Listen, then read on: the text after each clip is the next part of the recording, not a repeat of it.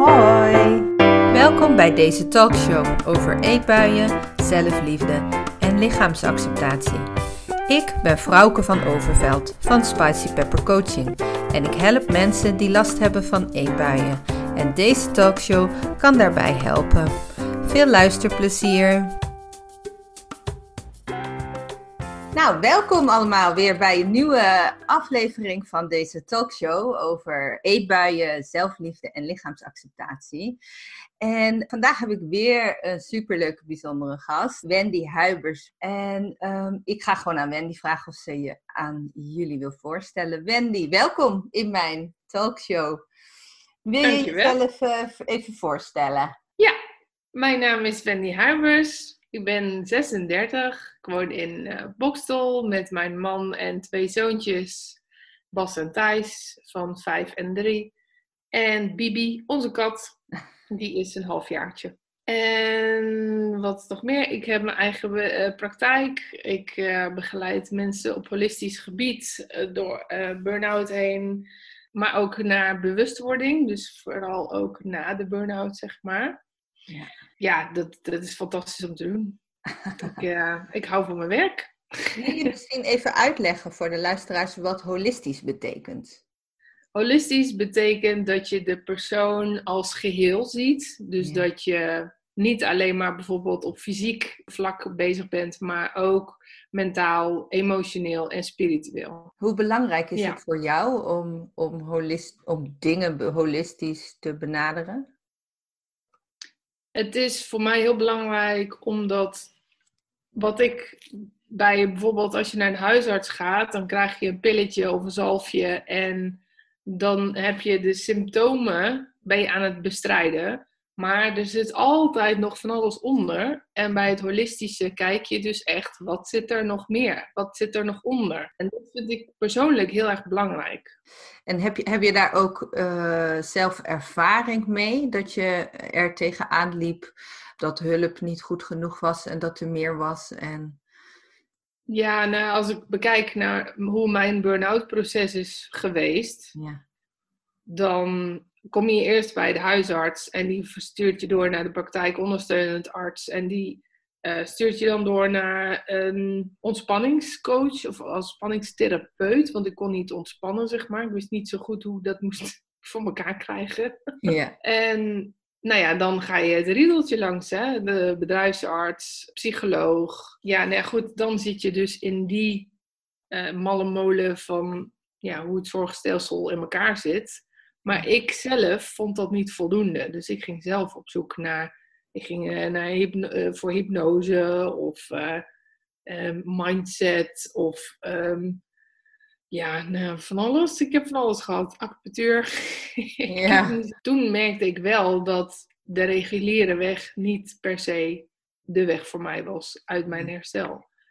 En daarom... hoe kom je daar dan achter? Want we zijn natuurlijk gewoon geneigd om het stelsel te volgen. Hè? En hoe kom je er dan achter dat het niet genoeg is? Nou, ik ben sowieso iemand die het er niet heel snel bij laat. Dat oh, iemand zegt van het is zo en zo en zo. Dus als iemand zegt tegen mij van uh, je hebt een griepje, het is wel goed zo. En ik voel dat er iets meer is. Ja. Dan ga ik verder kijken. En nu ook, ik had gezegd bij mijn herstel, het, ik, ik ga dit niet, dit gaat mij niet nog een keer overkomen. Dit gaat maar één keer gebeuren. Ik ga dit grondig aanpakken. Bot op het bot ga ik, zeg maar. Ik, ik vond het niet voldoende, de afspraken die ik had staan en zo. Ik wilde meer. En hoe bedenk je dan wat voor jou zou kunnen werken? Hoe kom je daar dan achter? Ga je gewoon googlen naar, of vragen aan andere mensen wat zij doen? Of? Ja, goede vraag. Dat, eigenlijk is het allemaal op mijn pad gekomen. Op de een of andere manier. Dus als um, ik, ik, heb, ik, ik hou mijn oren altijd goed open. Dus als mensen het hebben over uh, hypnose, dan denk ik, oh, dat is interessant. En dan, ga, dan kan het wel zijn dat ik het ga googlen. Van hoe werkt dat dan precies? Ja, dus het helpt heel erg om steeds nieuwsgierig te zijn. Ja, ik ben sowieso altijd nieuwsgierig. Ik wil altijd, en leergierig. Ik wil altijd meer bijleren. En daar ben ik ook niet klaar mee. En dat is ook zo'n ADHD-dingetje. Want daar ben ik dus ook achter gekomen tijdens de burn-out. Dat ik ADHD heb. Ja. merk ik er vrij weinig van. Maar dat komt omdat ik daar nu ook zonder medicatie gewoon heel erg goed mee om heb leren gaan. Ja, dat leergierige en dat zit, heeft er altijd al in gezeten. Maar dan moet het wel iets zijn waar mijn interesse ligt. Als mijn interesse er niet ligt, dan kun je stampen wat je wil, maar dan krijg je het er bij mij. En dat, vooral het spirituele pad, dat is, ja, daar ligt mijn interesse gewoon compleet. Dus daar ja, ja precies. Ik volg je natuurlijk uh, al heel lang op Instagram ook. Volgens mij kennen we elkaar via Instagram. Ja, ja. ja ik denk het. We kennen elkaar al een poosje. Um, en dan zie ik inderdaad ook heel mooi jouw, um, ja, jouw proces inderdaad uh, uh, ja, naar de spirituele ontwikkeling waar je nu mee bezig bent. Maar talkshow gaat natuurlijk heel over eetbuien en, en lichaamsacceptatie en zo. Hoe, uh, hoe is jouw relatie met eten? Oeh, dat is een moeizame, ja? een moeizame relatie. Ja. Nou, het begon bij mij um, al eigenlijk op mijn uh, jonge leeftijd. Acht, acht jaar kreeg ik een opmerking van mijn moeder dat, dat ik niet zoals mijn tante moest worden. En dat ik dacht dat dat mij niet zo heel erg veel had gedaan. Maar uiteindelijk ben ik er dus achter dat mij dat heel veel gedaan heeft. En altijd wat mijn moeder mij spiegelt van haar problemen met voeding, heeft ze altijd op mij gespiegeld. Waardoor het ook mijn probleem is geworden. En, en, want zo'n opmerking, hè, als, als, als je maar niet zo wordt als je tante, dat is dan zo'n hele duidelijke spiegeling. Uh, maar en waar heeft het dan nog meer in gezeten? Was je moeder op dieet en moest je ook diëten? Of, nee, ze had gezegd dat, dat zij mij wilde behoeden voor uh, zwaarder worden, omdat zij zwaarder was geworden en niemand had haar daarvoor gewaarschuwd. En op die manier wilde ze mij daarvoor behoeden maar nou ja, goed, als je dan op een gegeven moment op je zwaarst hebt gezeten en dat je dan afgevallen bent en ze dan durft te zeggen dat iedere keer als ze je gezien had, dat ze had, had moeten huilen. Nou ja, dat is ook best, uh, best wel zwaar. Super heftig. Ja, zij, uh, zij kan dat heel goed op mij projecteren. En dat blijft ze ook doen, ondanks dat ik zeg dat het niet meer nodig is. En dat is, dat is dus begonnen toen je acht jaar was? Ja. En wat heeft dat dan met je gedaan als je daar dan nu... Want je zei net, toen dacht ik, nou ja, doet me niet zoveel. Maar je hebt gemerkt dat het toch heel belangrijk voor je is geweest, zo'n opmerking. Ja, want als ik terug ga denken naar uh, wanneer ik ben begonnen met stiekem eten... Ja. Dan kan ik me terugleiden naar mijn jeugd. Want uh, als mijn ouders buiten in de tuin aan het werken waren... Dan ging ik in de kasten snuffelen. Dan ging ik oh, koekjes of chipjes. En wat heb je dan over basisschoolleeftijd of was het al middelbare schoolleeftijd? Nee, ik, ik weet zeker dat het al basisschool was. Want uh, toen, had ik, uh, toen had ook een kindje uit mijn klas geleerd dat je kunt, kon stelen. Dus toen dacht ik, oh nou, dan kan ik ook geld uit moeder de portemonnee halen. Dat was op de basisschool. Geld uit je moeders portemonnee. Heel snel uh, afgelopen daarna hoor. Dus, uh...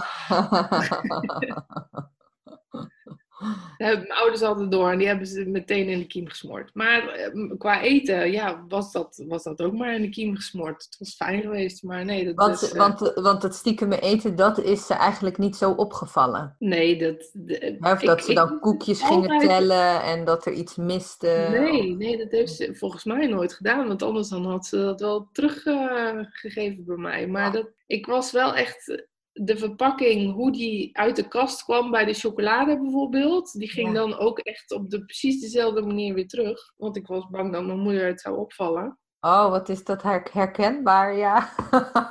op dezelfde plek en inderdaad op de, de, dezelfde manier dichtgevouwen, ja. Nou, als je me nu zou vragen waar de chocolade stond in de kast, weet ik het nog precies. Ja, kan je het nog zo uh, voor de geest halen? Nou, mijn ouders zijn ondertussen verhuisd, maar ik ken dat huis nog steeds uh, ja. Zeker wat eten betreft, ja. En je, want je hebt het over chocola. Had je ook favoriete dingen dan, zeg maar, die je stiekem uh, at? En, en bij minder favoriete dingen dat je die niet pakte of dat je die liet staan? Ja, ik was wel heel erg fan van de Côte d'Or chocolade. Die mijn, mijn moeder had standaard pure Côte d'Or chocolade. Omdat ze daar dat gebruikte voor uh, ja, chocoladesaus van te maken. Of chocolademelk maakte ze ervan.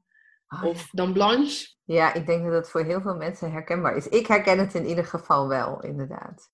Want, en, en waarom, hè, was het, waarom ging je dan stiekem eten? Omdat je, omdat je ook steeds die opmerkingen van je moeder kreeg? Of kreeg je ook echt restricties op je eten, op je dagelijkse eten? Mocht je geen snoepje tussendoor? Of... Volgens mij kreeg ik wel gewoon van alles. Maar ik vond dat stiekem, uh, ja, ik vond, dat, ik vond dat altijd wel wat hebben. Het is ook spannend, hè? Om uh, stiekem iets te pakken zonder gesnapt te worden. Hoort ook bij kind zijn, natuurlijk. Ja. En ik deed dat dan, uh, ik deed dat dan met, met stiekem snoepen. Ik kan me trouwens ook nog herinneren dat dat was denk ik middelbare schoolleeftijd. Dan kreeg je natuurlijk krijg je wel zakgeld. En dan ging ik, ging ik standaard bijna tussen de middag wel naar het Turkse winkeltje vlakbij. Daar, ja, dat was zo goedkoop om daar snoep te halen. En, en toen is ook mijn, mijn gewoonte al geworden om altijd tijdens dat ik aan het, als ik onderweg ben om te eten, dus op de ah. fiets. Toen begon op de middelbare school begon ik al met op de fiets dingen te snoepen. En daarna deed ik dat dan natuurlijk in de auto. En ik heb het nog steeds dat als ik weg moet met de auto, dat ik eigenlijk iets wil eten. En dat is die aangeleerde gewoonte die je op de middelbare school gemaakt hebt eigenlijk. Ja. ja. Maar ik had dan ook een keer snoepjes op mijn bureau liggen. En ehm, mijn moeder die had uh, die had moeite um, met het huishouden bijvoorbeeld bij te houden. Dus we hadden een werkster in huis. En ik had tegen mijn moeder expliciet gezegd: er mag niemand aan mijn snoepjes komen. En zij was eraan geweest. Nou, echt. Ik, ik heb er door de grond gekeken hoor, echt waar. Ja. ja. Waarom? waarom voelde je, je dat zo? Dat dat snoep echt van jou is? Waarom mocht niemand daar aankomen? Nou ja, ik heb eerlijk gezegd, ik heb nog steeds met eten. Als iemand aan mijn eten zit, dan heb ik nog steeds van, hè? Waarom zit je aan mijn eten? je onbeperkt sushi gaan eten met iemand? Dat is ook best lastig. Maar uh, hoe, hoe, hoe ik daar aankom, dat is een goede vraag. maar ik, ik weet dat tekort, dat dat voor mij een thema is. Ik dus heb, vaak uh, dat mensen die schaarste, dat het vanuit schaarste is inderdaad. Vanuit eh, het spirituele gebeuren weet ik dus dat het niet alleen uit dit leven is, maar dat ik meerdere levens heb gehad waar ik schaarste heb gekend of tekort. En dat dat in dit leven nog lekker doorspeelt. En dan, is, is dat alleen met eten dan in dit leven of uh, ook op andere gebieden? Nou, ook financieel bijvoorbeeld. Oh. Dat, uh, als, het, uh, als het wat minder gaat, dan kan het zijn dat ik wel, wel wat in de stress schiet. Ja. ja. Maar ook corona bijvoorbeeld, aan het begin van de periode, daarom kwam ik erachter dat ik een een tekorteter ben ook, zeg maar. Zo ja. het even. Want toen bleek dat iedereen ineens uh, ging hamsteren. Ja. Was ik bang voor tekort en ging ik eten. Hey, en ben jij dan ook het type dat um, hè, als je in de keuken twee stukjes taart snijdt of twee schaaltjes chips vult, whatever, en de ene is voller dan de ander, dat je de grootste voor jezelf houdt? Heb ik veel gedaan, maar tegenwoordig kan ik dat aan uh, mijn man geven. Dan denk ik, dan heeft hij, hij, hij mag meer hebben, hij kan meer hebben. Hij uh, mag meer. Dus dan is dat niet meer dat oude patroon. Dan, daar, daar ben je dan wel overheen gezet. Maar het hangt er ook vanaf. Ik denk dat er ook een verschil zit of je nou koekjes of chips hebt. Door chips mag hij het grotere bakje, maar koekjes dan heb dat meer.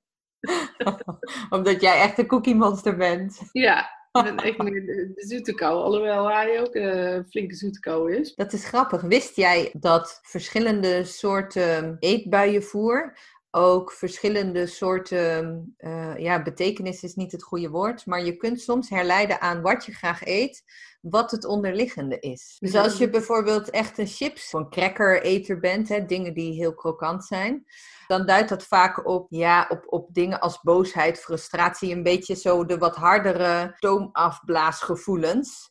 En dat je dan met het kouwen inderdaad zo die emotie wat beter kunt reguleren. Terwijl als je een echte, ja, zachtige, romige dingeneter bent, zoals soesjes of uh, yoghurt of kaasjes of uh, ijs, dat het hem dan meer zit in het, in het troost en in het comfort. En ja, dan ben ik wel je... een agressief persoontje, denk ik. Wow. ja, dus je hebt, en je hebt zoiets van hè, vijf verschillende categorieën. Uh, hard, knapperig, um, zoet. Ehm, maar ook dingen die smelten op je tong hebben ook weer een andere behoefte. Zou jij van jezelf kunnen zeggen, er is wel één specifiek ding wat ik dan, of hoe zeg je dat, een soort? je hebt het net over koekjes. er is wel een voorkeursvoeding. Digestive koekjes met chocolade, dat, oh, ja. Als ik die koop, dan is het pak leeg hoor. Dus dan ah, bij digestive denk ik altijd, oh ja, dat is nog enigszins gezond. De laag chocolade dan weer. Ja, maar... ja, ja. En ik ben helemaal fan van die uh, salty caramel M&M's. Oh ja, begin er niet aan, alsjeblieft.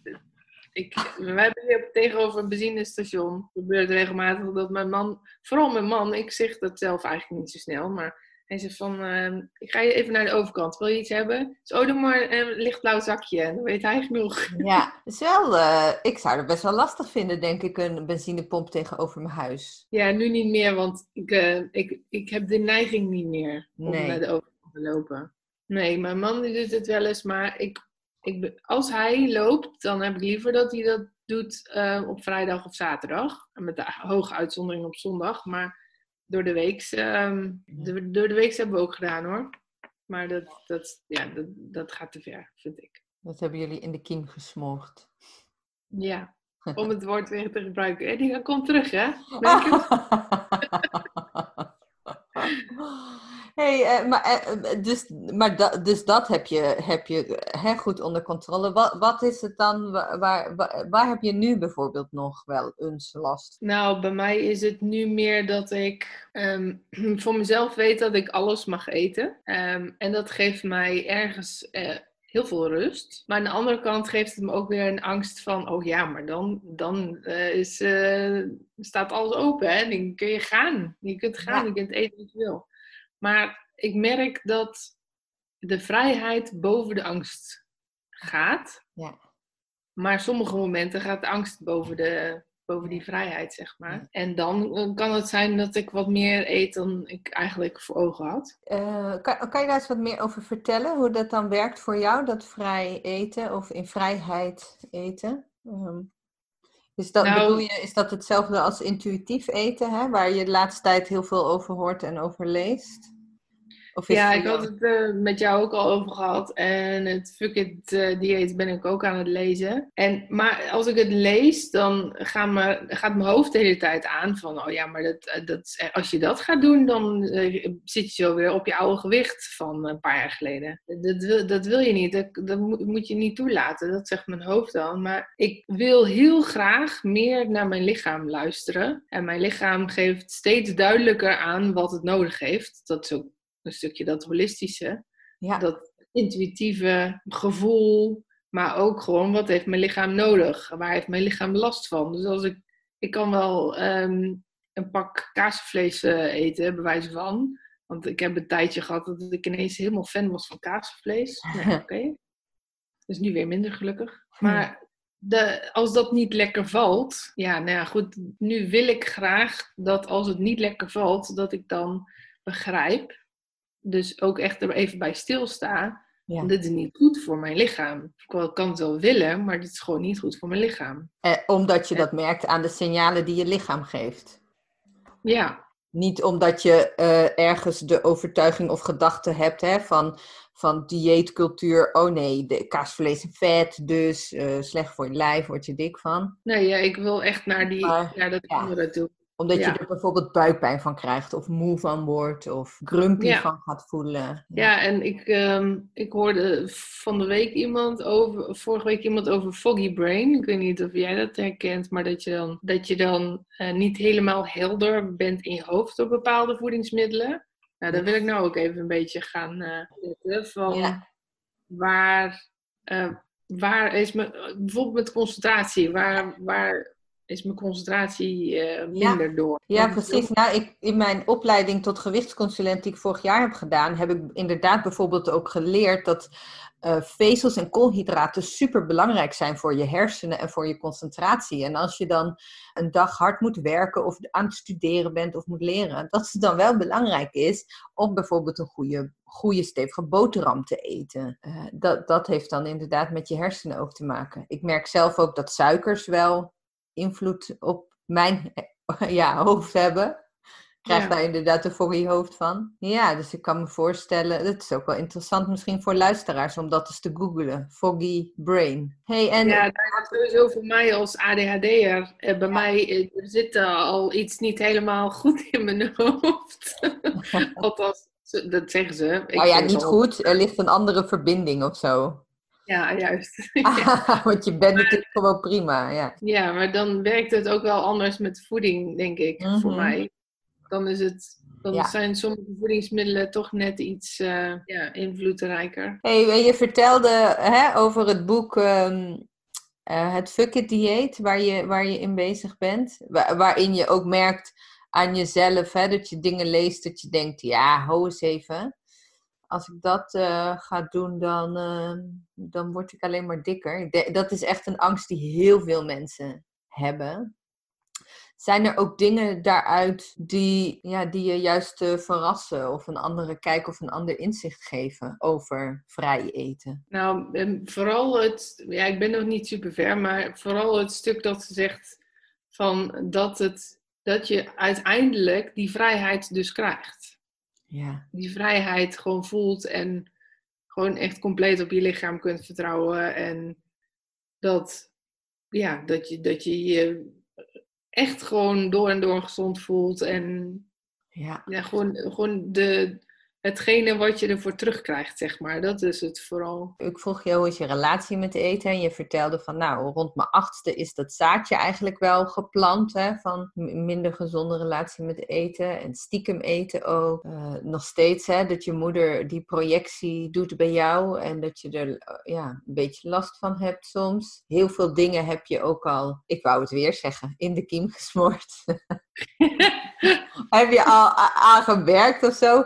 Kan je, kan je wat vertellen over die, ja, je, die persoonlijke ontwikkeling die je eigenlijk hebt doorgemaakt met het, met het werken aan, jou, ja, aan jouw voeding, aan je lijf, aan je relatie met eten, aan je relatie met jezelf? Heeft je burn-out daar bijvoorbeeld ook nog impact op gehad, op, op je eetpatroon?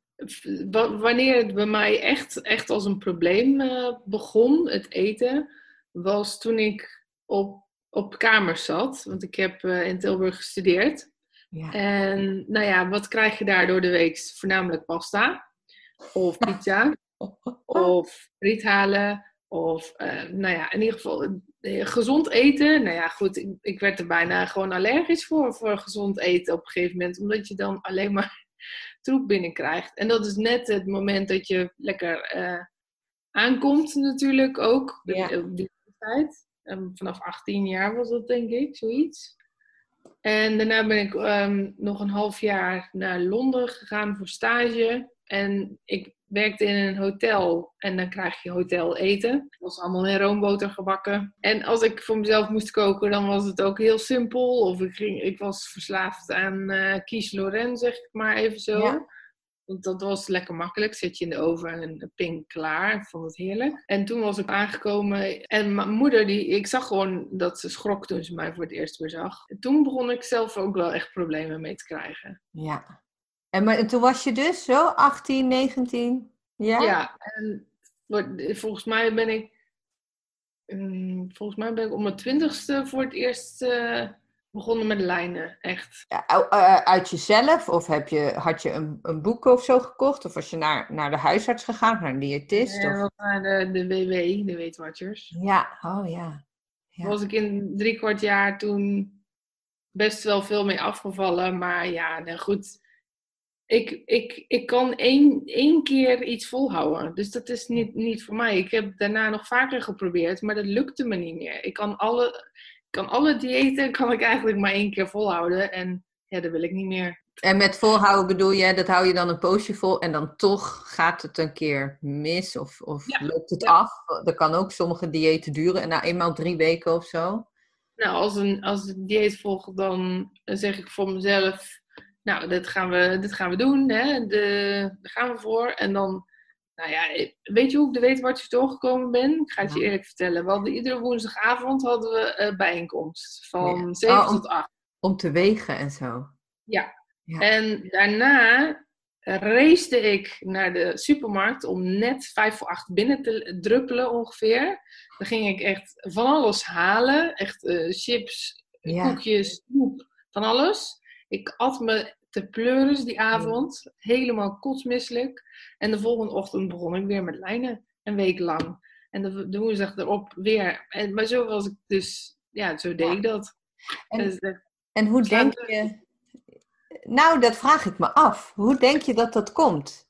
Omdat ik mezelf allemaal dingen moest ontzeggen. Ja, Daardoor ja, ik ja. het toch nog een keer ergens binnenwerken. Ja, precies. En je zegt ook heel makkelijk erachteraan, ja, het slaat nergens op. Dan geef je ook jezelf meteen een oordeel hè, mee. Maar het slaat wel ergens op, want het is dus super logisch. Ja. Als je jezelf dingen gaat verbieden, dat, dat, dat een eetbui, een dik vette eetbui op woensdagavond, ja, vaste prik wordt. Ja, nou goed, eh, ja, inderdaad. Als je het zo bedenkt, dan is het... ja. ja, logisch. Ja. Hoe lang heb je dat volgehouden? Ja, drie kwart jaar dus. Oh ja, dat zei je net. Ja, maar toen zat ik uh, op de TV en uh, we gingen op schoolreis. En ik dacht dat ik gewoon wel lekker um, alcohol uh, kon drinken. Maar dat was een beetje verkeerd gegaan. Dus daarna ben ik ermee gestopt, geloof ik. Oh, ja. En, en ben je daarna nog uh, diëten gaan doen? Andere dingen geprobeerd? Ik heb, ik heb wel van alles geprobeerd, ja. Maar ja, goed, even uh, fast forward, uh, doorspoelen naar de, de, de zwangerschappen. Ik ben natuurlijk oh, twee keer ja. zwanger geweest. En nadat ik zwanger was, na de bevalling van Bas, toen ging het wel goed met afvallen, zeg maar. Het, het, hetgene wat ik aangekomen was tijdens de zwangerschap ging er snel weer af. En bij Thijs niet. Ik kwam eerder nog. Ik, ging, ik viel eerst een beetje af, maar toen ging ik heel veel eten. Dus toen kwam, dat er, kwam er nog bij. Uiteindelijk. En ja, toen was ik echt heel, eh, echt, echt diep ongelukkig. Ja. Toen. ja. En toen ben ik echt naar, naar een crash dieet overgestapt. Zo snel mogelijk, zoveel mogelijk te verliezen. En heeft je dat geholpen? Uiteindelijk wel, uh, op, op dat moment wel, maar um, ik was in augustus begonnen en ik zat toen in een postnatale depressie, plus dat er dan bijpakken. Um, uiteindelijk was het resultaat in november burn-out. Ja, ja. En kon je toen dan ook het eten een beetje loslaten of het crashdieet tijdens je burn-out? Ik was eerst nog doorgegaan, of nou ja, ik had Um, het crashdieet liep, het was vier weken in totaal. Met daarna nazorg, zeg maar, of een naprogramma. Maar ik heb wel tot en met december vol kunnen houden om geen suiker te eten. En ik durfde ook geen suiker meer te eten, want ik denk, nou, dan is het hek van de dam. Uiteindelijk, nou ja, december is mijn favoriete eetperiode ongeveer, met alle speculaties en pepernoten en zo. Uiteindelijk hebben we met z'n tweeën één zakje chocoladepepernoten gegeten. En ik, ik wilde normaal de witte en de melk. En ik wilde toen alleen maar de pure, want ik vond het andere veel te zoet. Um, ik ben nog steeds meer van de pure chocolade nu. Ik had, ik had wel na dat dieet mijn leefstijl beter kunnen omgooien. En daarna ook wel beter geleerd um, wat bij mij past. En nou ja, toen ik heb de, toen de opleiding hormoonfactor deed, toen heb ik daar nog meer over geleerd. Wat voor mijn darmstelsel beter is. En in december bloedonderzoek laten doen. Dus ik weet dat ik niet zo goed tegen ei kan. Ja, als ik nu ei eet, ja, dan, dan heb ik er echt buikpijn van. Dus dat zijn wel dingen die, je dan, die wil ik dan ook wel laten. Ja, maar dat is ook heel duidelijk iets wat je lijf je aangeeft. Ja, daarom. Dan, dan kan ik wel luisteren naar mijn lichaam. hey, en um, er zijn heel veel mensen die, die naar deze talkshow luisteren. Mensen die nog, uh, nog helemaal aan het begin staan van... oh jee, mijn relatie met eten is inderdaad slecht. En ik ben er nu achter dat restricties en diëten uh, niet werken. Eh, heb je voor die mensen een tip wat ze zouden kunnen doen of waar ze nou moeten beginnen? Of, ehm, Wat mijn tip zou zijn is langzaam maar zeker te leren naar het lichaam te luisteren. En dat kan door, ja, door, door meditatie al. Dat je, meditatie is eigenlijk alleen maar in stilte zijn, naar je ademhaling luisteren of gewoon gaan voelen wat gebeurt er in mijn lichaam het echt van het hoofd naar het lichaam gaan. Dat is mijn grootste tip. Het is niet het makkelijkste. Het is lastig. Maar we zijn zo gewend van in ons hoofd te zitten. Ja. En in ons lichaam gebeurt er van alles. Maar als we alles maar met ons hoofd willen doen, ja, dan, dan werkt het niet. Nee. We, we zijn meer dan ons hoofd. Heeft meditatie voor jou veel, veel betekend? Ja, heel erg veel. En vooral ook ademhaling. Ik doe ook ademhalingsoefeningen. En die ademhalingsoefeningen, die hebben mij dus van medicatie gered. Zeg. Zo simpel als ademhaling kan zoveel betekenen. Ja. Ja, en, en ik, ik ja, mediteren als ik, het, als ik het niet doe of bij mezelf kom, zeg maar, of bij mezelf blijf, dan ga ik echt vliegen, fladderen. Dan zit ik hier ook niet zo rustig met jou te kletsen. Nee, dan ga je eigenlijk alle kanten op. Ja, en dan kan ik me ook niet concentreren, dus dan weet ik jouw vraag niet meer. Of dan, weet, ik, dan weet ik de draad niet meer van mijn verhaal. Ja. Dat, zo was het een, een, paar maanden geleden. Ja, dan was, zat ik hier heel anders. En, en heeft meditatie jou ook geholpen met uh, omgaan met eten? Of omgaan met uh, de spiegel die je moeder, of de, hè, de projectie van je moeder bijvoorbeeld hè, over je uiterlijk? Ja, het is, een, het is een bepaald traject waar ik natuurlijk vanuit de burn-out ingestapt ben. Wat ik al zei, dat ik ja. dat, ja, gewoon er vol voor ging en, en mezelf ook wilde leren kennen en weten wie, wie, wie is Wendy nu precies. Voor mij is, is meditatie is echt gigantisch belangrijk in ieder geval. Ja. Ik kan niet meer zonder. Nee. Nee, nou weet je, soms, soms uh, uh, worden wel adviezen gegeven. Hè, als je bijvoorbeeld uh, in zo'n fase zit dat je enorme craving hebt of een eetbui wil of naar de winkel wil om dingen te gaan halen of de kastjes leeg wil gaan snoepen.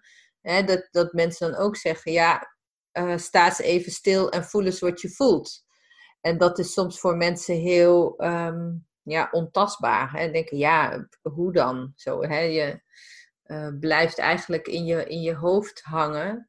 En juist op dat moment is het super lastig om dan in één keer dan, hè, een korte ademhalingsoefening te doen of een, uh, een meditatie oh. te doen. Dus... Nou, ik zeg heel eerlijk dat als het, het op zo'n punt staat dat ik voor de kast sta, Ja. dat het ook zomaar kan zijn dat ik gewoon wel die kast openzet. Maar dan is het nu meer omdat ik het mezelf eh, gun, dat ik het accepteer dat het er is. Maar als, het echt, als ik echt voor, voor een paar koekjes eh, aan een paar koekjes ga beginnen en met het idee ik ga deze opeten en ik sta er niet achter, dan zou ik eh, denken van ho, even een stap terug, wat gebeurt Ja. hier nu? Ja, Dan, maar dan sneller. heb je natuurlijk de ervaring al van, van meditatie en ademhaling. Dus als mensen die ervaring niet hebben, dan is het natuurlijk super lastig om dat op dat moment te doen.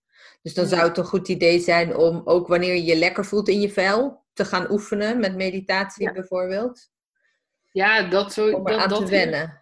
Ja, dat eerst. Ja, En dan, dan pas kun je het gaan inzetten voor, ja, voor andere mogelijkheden. Maar het is meer van het, het bij jezelf willen blijven en kunnen blijven, zeg maar. En dan kun je het eh, gaan inzetten op andere dingen. En heb je daar misschien nog wel een praktische tips over? Hoe, hoe mensen, ja, hoe leer je nou een ademhalingsoefening of hoe leer je nou mediteren? Is daar, is daar een website voor of is daar een app of zo voor? Of een boek om te lezen? Mm, er zijn heel veel manieren. Er zijn heel veel mensen die daar eh, in begeleiden ook. Eh, Ja. Waar ik mee begonnen ben zelf is Meditation Moments van Michael Pilarczyk. Eh, volgens mij heb jij die ook nog gedaan, voor Ja, me herinneren. ja, Ehm, maar ik doe het nu in stilte, gewoon helemaal Ja. stil in mezelf. Want dat Ja. is voor mij de fijnste manier. Maar dat, dat kan. Eh, sommige mensen vinden het fijn om een stem, stem te horen die ze doorheen geleid, begeleidt. Eh, sommige mensen vinden het fijn om alleen maar naar muziek te luisteren. Of eh, naar waterdruppels, watervalletje, bosgeluiden, van alles. Ja. Ehm, ik doe het liefste gewoon helemaal in stilte. ja, En ja. ja, gewoon echt helemaal even met mezelf alleen hier nu zijn. Ja. Even alle prikkels weg. Ja, Maar Meditation Moments is een mooie, maar op YouTube kun je ook zoveel vinden. Maar het is een beetje uitvogelen wat het fijnste is. ja. dus eigenlijk vooral Maar- heel veel proberen. Ja, maar als iemand mij door een meditatie eh, begeleidt, dan ben ik niet bij mezelf, zeg maar. Tenzij Ja. die persoon zegt van voel even in je lichaam, wat gebeurt er nu? Mhm. Dan wel, maar anders niet. Nee, nee.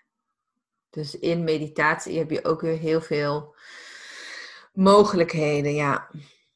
Ja, maar heel veel mensen hebben moeite met meditatie. Maar dansen is ook al meditatie. Koken is ook meditatie. In Wandelen. de tuin meditatie. Wandelen ook. Fietsen. Ja, zodra het maar dingen zijn waar je hoofd een beetje leeg van wordt. Ja. En ehm, heel veel mensen denken ook dat ze dan op zo'n kussentje moeten gaan zitten. Maar dat hoeft ook niet. Ik zit op de bank met mijn benen omhoog. Ik hoef niet eens per se de grond aan te raken, zeggen ze dan wel. Mhm. Maar ja. ik ben het er niet mee eens. Nee. Je vindt gewoon je eigen weg. Ja, juist. Ja. Nou, mooi. Super. Is er nog iets anders wat je nog wil zeggen tegen, tegen de luisteraars? Of zeg je nou? Ik denk dat dit wel de belangrijkste tips uh, zijn. Ja, ik denk, denk dat het wel de belangrijkste. Voor mij zijn het de belangrijkste in ieder geval. Dicht bij jezelf blijven. Ja, mooi. Nou, Wendy, het zit er alweer op. Super bedankt. Bedankt voor je openheid en je openhartigheid. Um, als mensen nou um, ja, vragen hebben hè, aan jou over jouw verhaal of over jouw ervaring of, of meer zouden weten over meditatie, mogen ze je dan uh, ja, via Instagram bijvoorbeeld een berichtje sturen? Ja, tuurlijk, altijd. En hoe kunnen mensen jou vinden? Ik, ik zal je, je linken in de, in de show notes, maar hoe, noem, hoe, heet je, hoe vinden mensen jou? Mijn website is n-door.nl en op Instagram is het en door aan elkaar geschreven. Uh, onder, onderstreepje met, onderstreepje Wendy. Dus en door met Wendy. Ja. Nou, ik zal hem linken in de tekst. Dan kunnen mensen er ook op klikken. Ja, leuk. Ja, ik wil je hartelijk bedanken, nogmaals. Ja, jij ook bedankt. En, en gaan we afscheid nemen van de luisteraars. In ieder geval. Nou, dankjewel voor het luisteren ook. En tot de, de volgende uh, talkshow weer. Oké, doei! Doei! Zo, dat was hem weer. Heb je er iets aan gehad? Laat het me weten door deze talkshow te liken en te delen, zodat meer mensen deze talkshow ook kunnen ontdekken.